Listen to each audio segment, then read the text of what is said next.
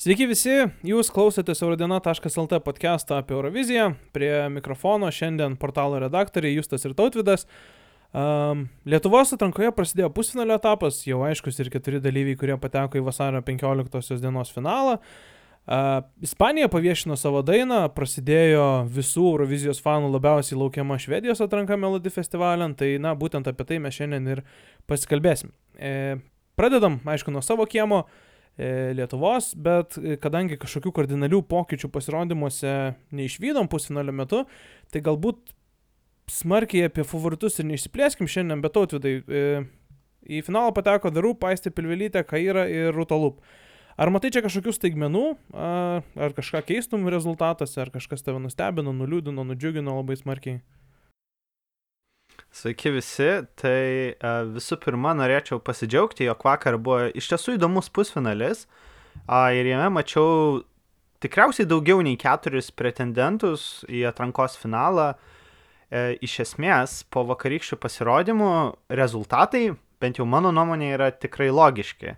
Ypač, ypač faktas, kad būtent šie keturi atlikėjai pateko į finalą, galbūt aš asmeniškai juos būčiau išrikiavęs kiek kitokia tvarka, tačiau, tačiau tas faktas yra, manau, gan logiškas.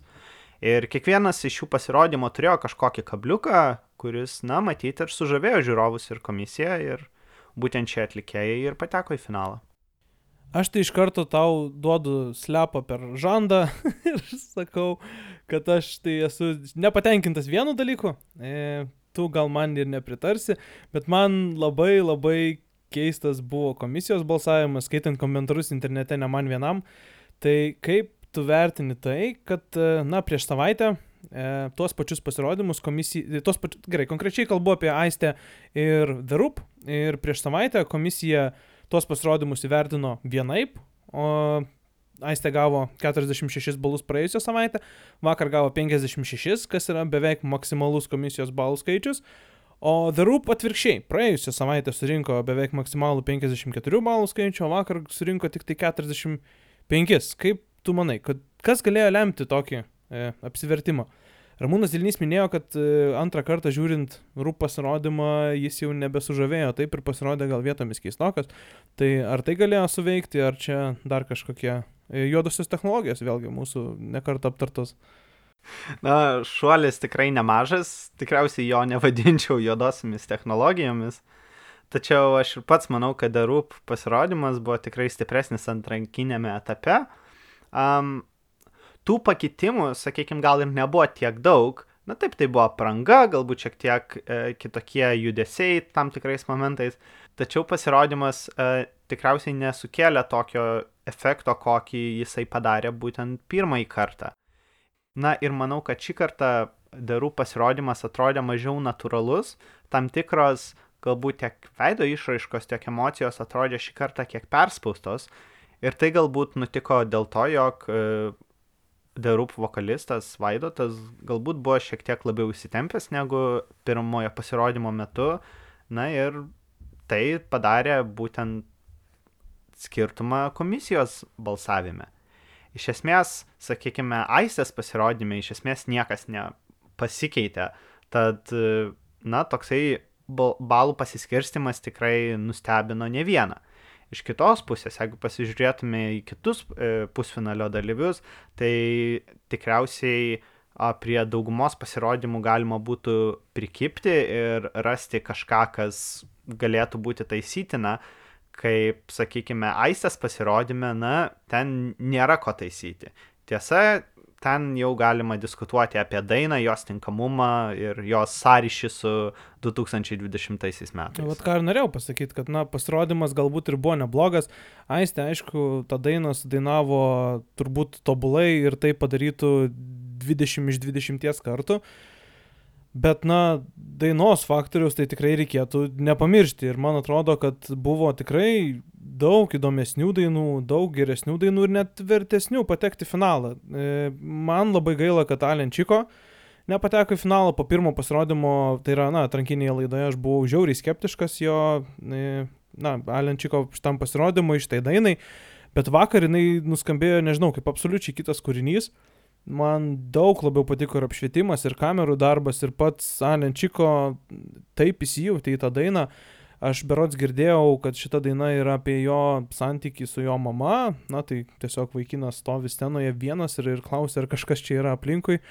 Tai man tas šį kartą suveikė daug labiau, o taip pat labai gaila ir baltų varnų. E, na, panašu, kad šiais metais finale liksim be lietuviškų dainų, nes man atrodo antram pusfinalį nieko lietuviško jau nebėra, išmetėm vagelį, išmetėm varnas ir, na, praleidom šitą aistę, aistės dainą Unbreakable, kuri, na, toli gražu, man asmeniškai nepretenduoja turbūt net į trejetuką geriausių aistės dainų Eurovizijai, tai, na, tai, kad komisija taip gerai vertina šitą pasirodymą, kai anksčiau su kitokiom ir žymiai geresnėm, šio laikiškesnėm dainom aistė būdavo nuolatos kritikuojama, kažkaip man sunku truputėlį suvokti ir, ir, ir lenda visokios nesmagios mintys į galvą, kad e, galbūt čia yra kažkoks aistės autoritetas, galbūt, na, pabandykim iš kitos pusės pagalvoti, ar su šita daina, e, tokia kokia ji yra, su savo senamadiškumu, savo struktūra,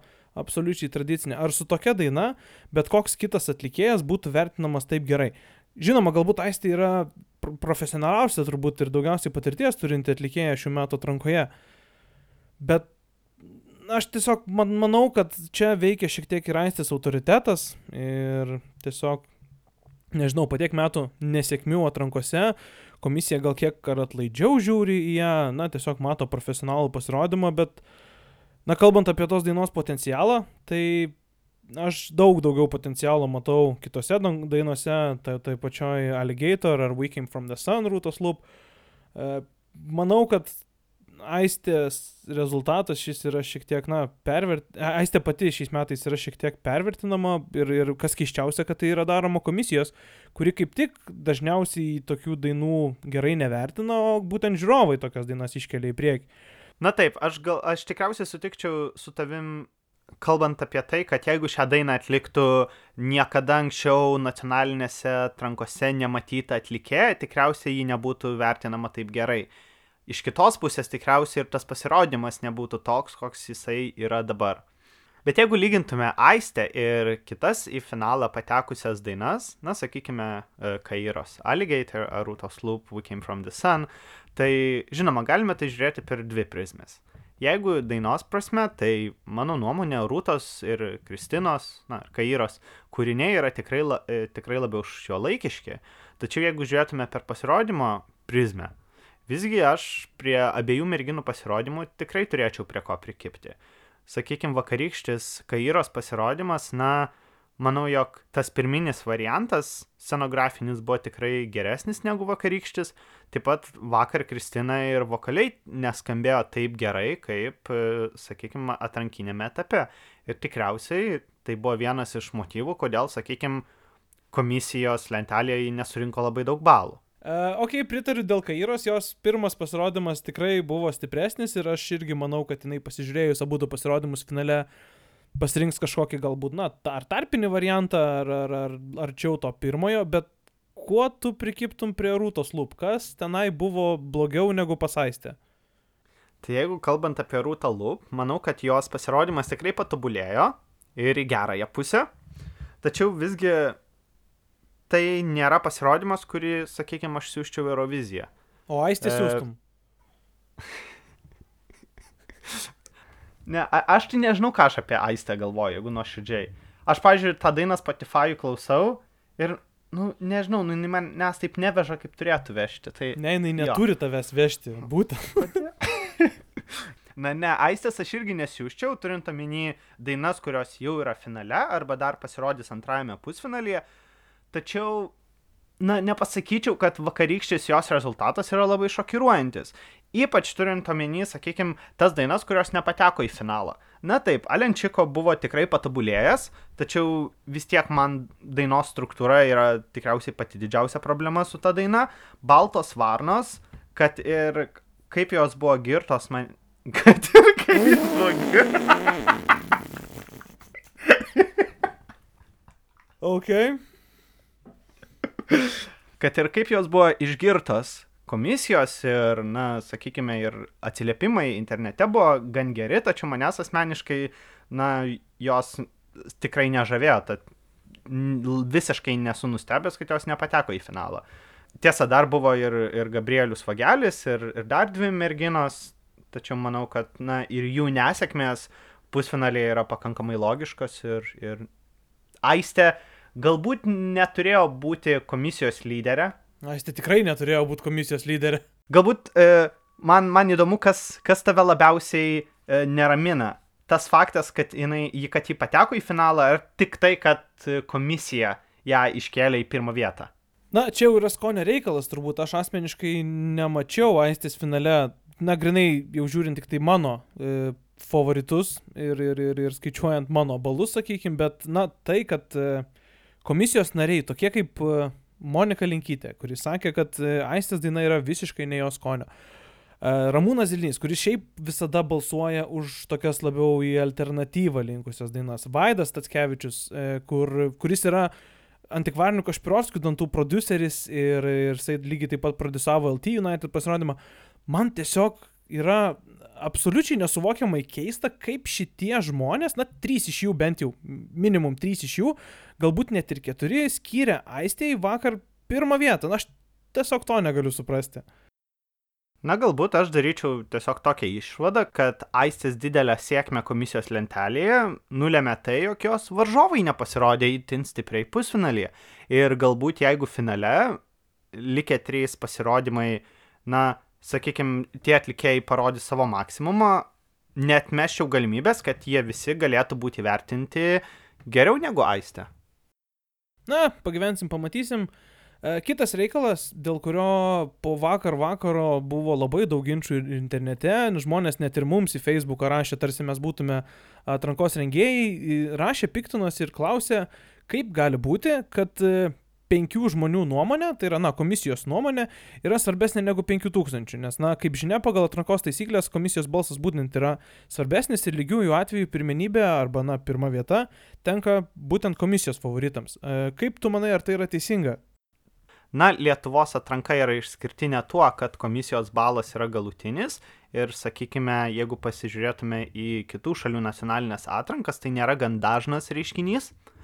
Tačiau Į šį klausimą atsakyčiau taip, kad nacionalinis transliuotojas turi visą teisę daryti tokias taisyklės, kokios jie nori. Reikia prisiminti, jog Eurovizijoje dalyvauja būtent transliuotojai, jie moka dalyvių mokestį ir žinoma, be, be žiūrovo Eurovizija neegzistuotų, tačiau kaip, kaip transliuotojai renka atlikėją yra visiškai jų valioje ir Žinoma, galime piktintis, galime būti nepatenkinti, tačiau ar tai yra priežastis kažką keisti, na nesu tuo tikras. O šiaip, e, kad ir didžioji Eurovizija, nebūtinai Lietuvos atrankose, tu esi e, tokio 50-50 balsų skaičiavimo šalininkas. Na, sakykime, po tokių vat, komisijos akibrokštų e, dažnai pasigirsta fanų balsai, kad, na, jie norėtų, kad apskritai galbūt komisijos neliktų ir, ir kad žiūr, būtent visus pasirodymus tiek didžioji Eurovizija vertintų tik žiūrovai, tai na, lygiai tokių pačių komentarų girdėjome ir po, na, šią gegužę, po 2019 m. Eurovizijos dainų konkurso, kai komisijos favoritais tapo Šiaurės Makedonija, Švedija, tuo tarpu žiūrovų favoritais Norvegija ir Niderlandai. Ir Eurovizijos gerbėjai buvo pasipiktinę, kad Norvegija laimėjusi žiūrovų balsavimą bendrai liko tik tai šeštoje berots vietoje, Ir, na, pasak jų, būtent žiūrovai turėjo rinkti tą nugalėtoją. Ne, nežinau kaip tu, bet man tai, asmen, aš kartais nesutinku su komisija, kartais nesutinku su žiūrovais, bet man tai atrodo, kad e, viską sukombinavus gaunam patį teisingiausią ir turbūt geriausią e, variantą. Kaip tau atrodo? Kalbant apie komisijos balsavimą, tai aš įvertinu tikrai teigiamai didžiojo Eurovizijoje. Manau, kad e, tas santykis 50-50 yra geras, ir jis tai ir turėtų toksai likti. Tiesa, buvo neseniai skelbta, kad šiemet ir, ir Europos transliuotojų sąjunga, Eurovizijos rengėjai darė apklausą tarp būtent delegacijos vadovų, ką jie mano apie šį balansą, galbūt jį norėtų keisti, tačiau galiausiai didžioji dauguma delegacijos vadovų sutiko, kad dabartinė sistema yra pati geriausia ir ji toliau ir liks. Žinoma, kai žiūrovų favoritai nelaimė Eurovizijos, tai sukelia daug daugiau aistrų, negu kai komisijos favoritai nelaimėjo Eurovizijos. Tai prisiminkime 2018 metais Austrija, kuri laimėjo komisijos balsavimą ir tikriausiai mažai kas uh, skundėsi tuo, kad, kad Austrija nelaimėjo Eurovizijos. Ar taip pat galim prisiminti ir pernai metus, būtent Šiaurės Makedonijos Tamara. Na, tokios yra taisyklės. Ir komisijos ir žiūrovų nuomonė tikrai ne visada gali sutapti. Ir manau, kad kaip ir tu sakei, galų gale tas balansas yra gan logiškas dažniausiai. Ir, ir, ir 2015 metais turėjom panašią situaciją. Na, tiesiog taip nutinka ir, ir visuomet bus nepatenkintų bet kokia sistema. Tobulos balsavimo sistemos nėra, tačiau ar reikėtų komisiją pašalinti iš Eurovizijos, tikrai sakyčiau ne. Ir manau, kad ta dabartinė sistema, ji yra pakankamai gerai veikianti. Džiaugiuosi, kad e, sutarėm šitoj vietoj. E, grįžkim prie nacionalinių atrankų. Tai kalbant apie e, komisijas mūsų atrankose, tai būtent, o kaip, tu, kaip tau atrodo, kokia ta komisija turėtų būti. E, vienos šalys ima vietinę komisiją, kitos šalys ima tik tai tarptautinę komisiją, trečios šalys miksuoja. Aš matau labai daug įvairių problemų ir klausimų kiekvienam būtent e, variantui, na galbūt daugiau tokiem variantam, kur yra 100 procentų vietinė komisija arba 100 procentų tarptautinė komisija.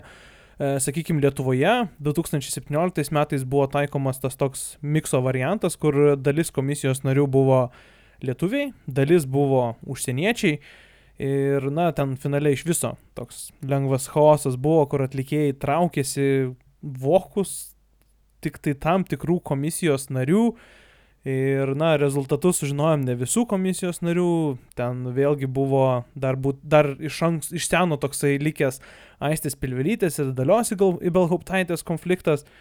E, ar tu manai, kad e, tokiai mažoje šalyje kaip Lietuva, kur ir tas pats pramogų verslas yra, na, tikrai nedidelis, visi vieni kitus pažįsta, visi vaikščia tais pačiais koridoriais, ar galim mes Lietuvoje pilnai pasikliauti vien tik lietuvišką komisiją?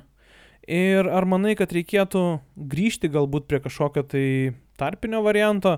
Na, e, apie tarpinį variantą tai vėlgi turbūt reikėtų tada tuos užsieniečius komisijos narius kviesti šiek tiek labiau susijusius su Eurovizijos pasauliu, negu kad e, garsusis e, Fools Garden lyderis Peteris Freudentaleris. E, Islandija, Albanija sugeba pasikviesti į savo atrankas Eurovizijos producerius, e, tokio lygio žmonės kaip Kristen Bjorkman ar Jon Olasant. E, ką galėtume padaryti mes, ko galėtume pasimokyti iš kitų šalių ir kaip, tu, kaip, kaip tau atrodo tiesiog, ar e, reikėtų pakviesti užsienio narius į komisiją. Tai visų pirma sutinku dėl to, kad gan yra sunku užtikrinti komisijos narių šališkumą. Um, taip, Lietuva yra nedidelė šalis, tačiau turėkime omeny, kad ir kitos nedidelės šalis savo atstovus renka tokiu pat būdu, jie kviečia tas pačias komisijas, e, neretai išaiškė tam tikrų komisijos narių ryšiai su tam tikrais atlikėjais, kartais tai tampa priežastimi, kodėl vieni atlikėjai nelaimė atrankos, tai tų pavyzdžių yra labai daug, tačiau paminėsiu tik vieną, būtent Ispanijas 2017 metais kuomet Manel Navaro laimėjo atranką, o komisijoje buvo žmogus, kuris prieš tai viešai e, reklamavo būtent jo, jį ir jo kūrinį Do It For Your Lover. Na, sakykime, tai sukėlė itin didelės aistras, ypač kadangi e, Manel ir kita atlikėja surinko visiškai vienodą balų kiekį ir tas žmogus buvo vienas iš tų, kuris lėmė tą galutinį verdiktą, kad būtent Manel vyks į, Euroviziją. Na, ten jam nepasisekė, kaip galim prisiminti, bet, bet būtent tas faktas yra. Tai vėlgi grįžkime prie tos komisijos šališkumo. Tikriausiai visiškai jo panaikinti nėra įmanoma, tačiau visgi, na, jeigu kalbant apie LRT, šiemet berots komisijos nariai turėjo pasirašinėti deklaracijas, tad galime daryti išvadą, kad į tai bandoma kreipti dėmesį. Užsienio komisijose jau kalbant apie jas ypač išpopuliarėjo per pastaruosius metus lietuva turbūt buvo gan viena iš pirmųjų ir taip gan anksti dar du tūkstančiai keturioliktais metais berods pirmą kartą panaudojo tą metodą kurį dabar naudoja labai daug šalių tai nemanau kad tai buvo labai teisingas sprendimas, kadangi, pripažinkime, tų komisijos narių balsavimai atrodė tikrai kartais labai keistai ir netgi bandant žiūrėti objektyviai, kai kurie sprendimai buvo nelogiški. Prisiminkime tą patį 2014 metų, na, tai nebuvo skandalas, bet buvo viena komisijos narė, kuri kiekvieną savaitę Vilijai skirdavo vieną iš paskutinių vietų, nepaisant kaip Vilija pasirodydavo. Ir jau kai sužinome, kad finale ji taip pat bals, e, balsuos, atsimenu, visi galvojo, kad jau tikrai vyks mie, nes būtent ta komisijos narė, na, Vilijai eilinį kartas neskirs aukštos vietos. Visgi įvyko stebuklas ir, ir finale ta komisijos narė, nuo kurios iš esmės ir priklausė, ar Vilija vyks į Euroviziją, balsavo už ją, na ir turėjome būtent tokį sprendimą. Tai kitos šalis na taip, jos naudoja užsienio komisijos, tačiau jos vis tiek yra kritikuojamos ir ypač jeigu jų nuomonė nulėmė, jog kažkoks vietinis žiūrovų favoritas nelaimi. Taip, užsienio komisija galbūt neturi tų iš ankstinių favoritų, nežino, kiek populiarus vienas ar kitas atlikėjas yra e, toje šalyje, tačiau pripažinkime, išgirsti kitų nuomonę nori tikriausiai daugelis, tačiau leisti kitiems nuspręsti nori mažai kas. Labai teisingai pastebėta dėl būtent to, kad, na, išgirsti nuomonį įdomu, bet kartais ne visada norisi prisileisti, kad e, kažkas nuspręstų už mus, ką, kas važiuos į Euroviziją. Bet, na, tobulėti tikrai yra kur ir LRT būtent šiais metais, šitos atrankos metu, mes čia labai dažnai kritikuojam vieną ar kitą dalyką, iš tiesų gal kartais ir pamirštam pasidžiaugti, kad, na, daug dalykų yra daroma labai gerai šiais metais ir dedamas labai didelis žingsnis į priekį. Mane vakar labiausiai nustebino tai, kad iškart po pasirodymo atlikėjų šitie būtent pasirodymai, vaizdo įrašai jų buvo įkelti į YouTube. Iš karto, tą patį vakarą. Na tai yra dalykas, apie kurį aš svajojau visą gyvenimą turbūt. Ir nuoširdžiai tiesiog galima pagirti LRT, kad e, pagaliau tai yra daroma. E, tai gal tada baigim su komisija ir kad jau paminėjai Ispaniją, tai keliaujam prie užsienio naujienų. Ir šią savaitę Ispanijos atstovas Blaskanto, kuris buvo jau anksčiau išrinktas, pristatė savo Eurovizinę dainą Universo.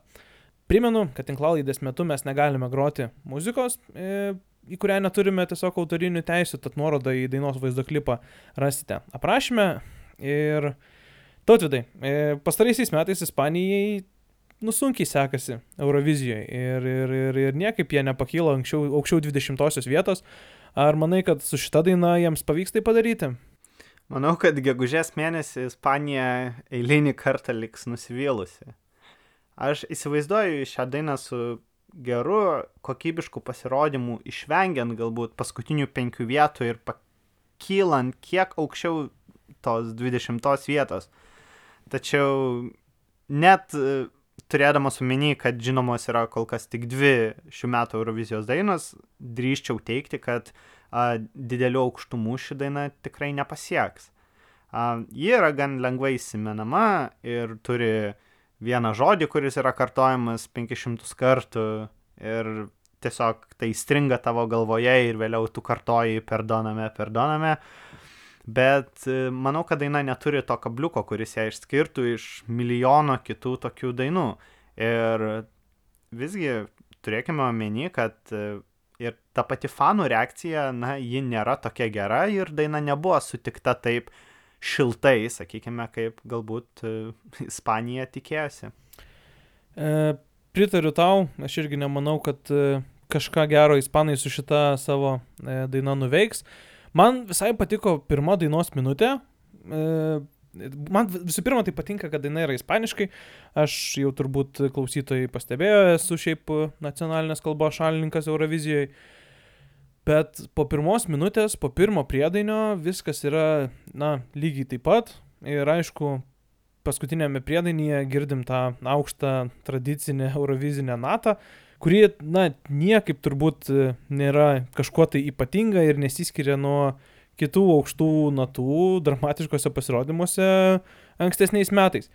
Tai mano toks paskutinis verdiktas tai turbūt būtų toks, kad na, per paskutinius penkerius metus ispanai turėjo tikrai stipresnių dainų, e, geresnių pasirodymų, dėl atlikėjo sunku pasakyti, pat nesu gyvai matęs jo pasirodymo, na, arba, arba YouTube nesu žiūrėjęs kažkokiu tai live įrašu, bet manau, kad e, jeigu ispanams paskutinius metus taip nesisekė su stipresniam dainom, tai vargu pas, ar pasiseks ir šiemet.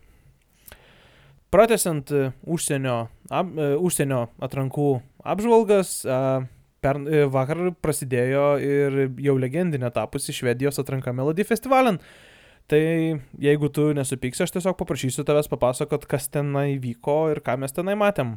Taip, vakar pagaliau, pagaliau prasidėjo Švedijos nacionalinė atranka. Pripažinsiu, kasmet jos labai laukiu ir ją stebiu. Nepaisant to, kad e, dainų kokybė tikriausiai per pastaruosius metus na, nepalipėjo į viršų tikrai. Ir dainos ir pasirodymai yra pakankamai nuspėjami, tačiau iš kūrybinės pusės tai yra vienas įspūdingiausių renginių, tikriausiai, na, tai yra vienas didžiausių muzikos festivalių jiems, kuriame susirenka, na, žinomi atlikėjai dažniausiai. Ir šiumetinė atranka jau yra 60-ąjį kartą vykstanti, tad, na, jie atrado savo modelį, kurį naudoja ir, ir niekur kitur nesižvalgo. Tai vakar išvydome pirmus septynis pasirodymus, dauguma atlikėjų e, jau buvo anksčiau bandę laimę, berots net penki iš septynių jau buvo anksčiau dalyvavę, likę du ir pasidalino paskutinės dvi vietas. Na, į finalą pateko pernai Švedijai atstovavusiam John Ludwig pritarusios e, vokalistės, kurios susibūrė į grupę Demamas ir taip pat e, jau 2017 metais Švedijai Kijeve atstovavęs Robin Bengtson. Tai jeigu kalbant apie šiuos du pasirodymus, tai Demamas man paliko vokalinį labai gerą įspūdį, na, jos jau ir pernai tikrai buvo vienas iš įspūdingiausių, sakykime, dainos Too Late for Love momentų, būtent jų partija. Na ir šiemet tikrai jos nestabdo ir, ir, ir skambėjo tikrai puikiai. E, iš kitos pusės daina nemanau, kad yra labai stipri, tačiau turint atsižvelgiant į bendrą kontekstą pusfinalio, tikriausiai gan logiška, kad jos pateko į finalą. Kalbant apie Robin Bengtson, e, pripažinsiu, tikrai labai simpatizuoju tai dainai. Ji labai paprasta, tačiau turi tokių įdomių kabliukų, kurios tikrai labai įtraukia visiškai įsivaizduoju, na, net sakykim, kokį Ed Sheeran dainuojant tą dainą ir tą dainą užimant pirmą vietą, sakykime, Junktinės karalystės topuose. Tačiau kadangi tai nėra uh, Ed Sheeran, tai tikriausiai Junktinės karalystės topų nepasieks. Kas man užkliuvo, tai vokalas ir Robin tikrai neskambėjo taip gerai, na ir tikiuosi, kad finaliai jo vokalas bus daug stipresnis ir, ir tuo atveju jis tikrai galėtų būti vienas iš pretendentų vėl vykti į Euroviziją.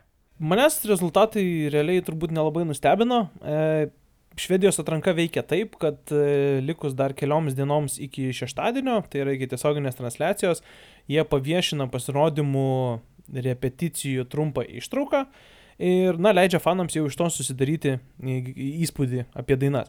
Tai realiai mano favoritė e, nuo pat pirmo perklausimo buvo na, ne favoritė, visos trys favoritės e, buvo e, Damamas e, su savo daina Move. Ir, na, pernai, kaip tu ir pastebėjai, per John Lundvik pasirodymą man būtent didžiausią įspūdį ir padarė tos gale besitūsinančios mamos. Tai labai džiaugiuosi iš tikrųjų, kad jos šiemet ryžosi dalyvauti Melody festivalin kaip grupė.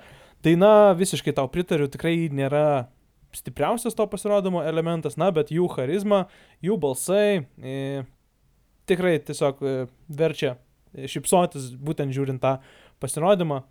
O kalbant apie Robin, tai e, nuoširdžiai pasakysiu, nesu didelis jo fanas, man jisai tiesiog scenoje pats keistai kartais žiūrisi, man jisai primena man kartais tą lėlę Keną, kažkaip, nežinau, čia mano tokia labai jau subjektyvi nuomonė. E, mano nuomonė stipriausia jo daina e, būtent Švedijos atrankose buvo e, Constellation Prize.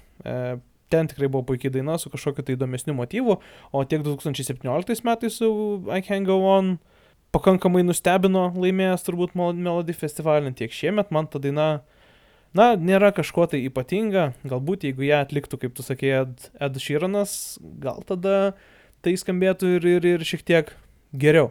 Na, o kalbant apie kitus dalyvius, tai į, Švedijos antrąjį šansą pateko ne pirmą kartą Melody festivalin e, dalyvaujantis e, Felixas Sanmanas ir Manu Prits.